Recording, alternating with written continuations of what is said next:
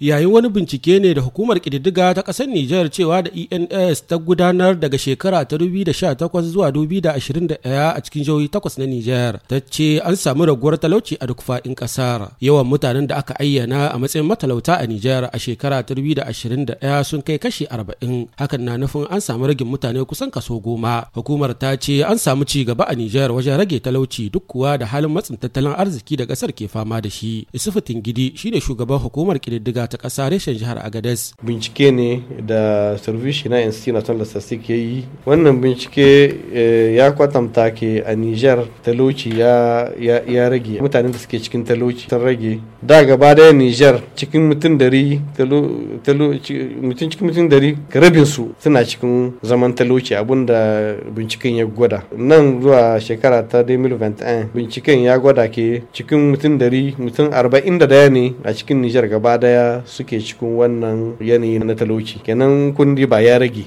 Cikin garukan nijar gaba ɗaya tilaberi ce take tsawon gaba. Sannan maradi ta bita wajen 40% de pop. Sannan sai doso bayan ta zandar difa sai tawa. Sannan sai agar ƙungiyoyin al'umma irin su adede sai wadata na cewa akwai buƙatar ƙara zagewa wajen kawar da wagegiyar tazarar da ke tsakanin masu shi da matalauta da kuma kawar da tsadar rayuwa. Muhammad abubakar wakilin adede sai wadata a agades ka duba yau dai mutanen da aka kauye ba su zama a kauye ba suna ta gaban kowa cikin birni nima ce. Wa'anda a cikin birnin kuma su da kansu in ka duba yanayin da suke rayuwa babu wani canji na ci gaba don da ga a takamaimai a tabbatar da shi a ce ga dai. Sai dai kawai mutane ce alhamdulillah saboda ta zama to wajibi ne ka ce alhamdulillah da cikin irin halaki amma in ka duba abin da shafi ɓangaren lahiya abin da samun ilimi abin da samu ka ci abinci isasshe wanda ya kamata a lokutan da ya kamata kada zuwa na abubuwan akwai saura. Kenan ba mu san ba kamar tabbata wajen hujjoji ne aka ɗauki cewa talauci yaro. Tun da ka duba talakan da ake cewa talakan ne. A shekarun ga ukun da ake faɗi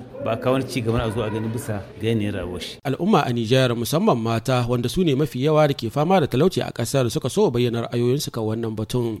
Babu sauyin da muka gani abin karuwa ma yake ko ta safiya ko mina tsada yana hawa. Babu sauyi ko guda akwai shi wallahi ana fama da shi yadda ya kamata. Mu a matsayin mu na talakawa gaskiya talauci sai dai karuwa ne kawai ya kai tunda duk sahiya Allah abu ne wanda yake gaba ne yake babu baya cikin shi. Gaskiya gare mu dai ra'ayi ne na gwamnati amma talauci kai gaba yake kuma mun yi katutu ma cikin shi. Alhamdulillah za a cewa. An gode ma Allah kurum za a cewa. Yanzu ne ma muke fama da shi. In sahiya ta riket kake samun dala guda. Masana na ganin cimman burin hukumomin Nijar na kawo ƙarshen talauci nan da shekara 2030 ya ta'allaka ne ga kawar da rashin daidaiton da ke tsakanin mutanen ƙasar Hamid Mahmud murya Amurka daga Agadez jamhuriyar Nijar.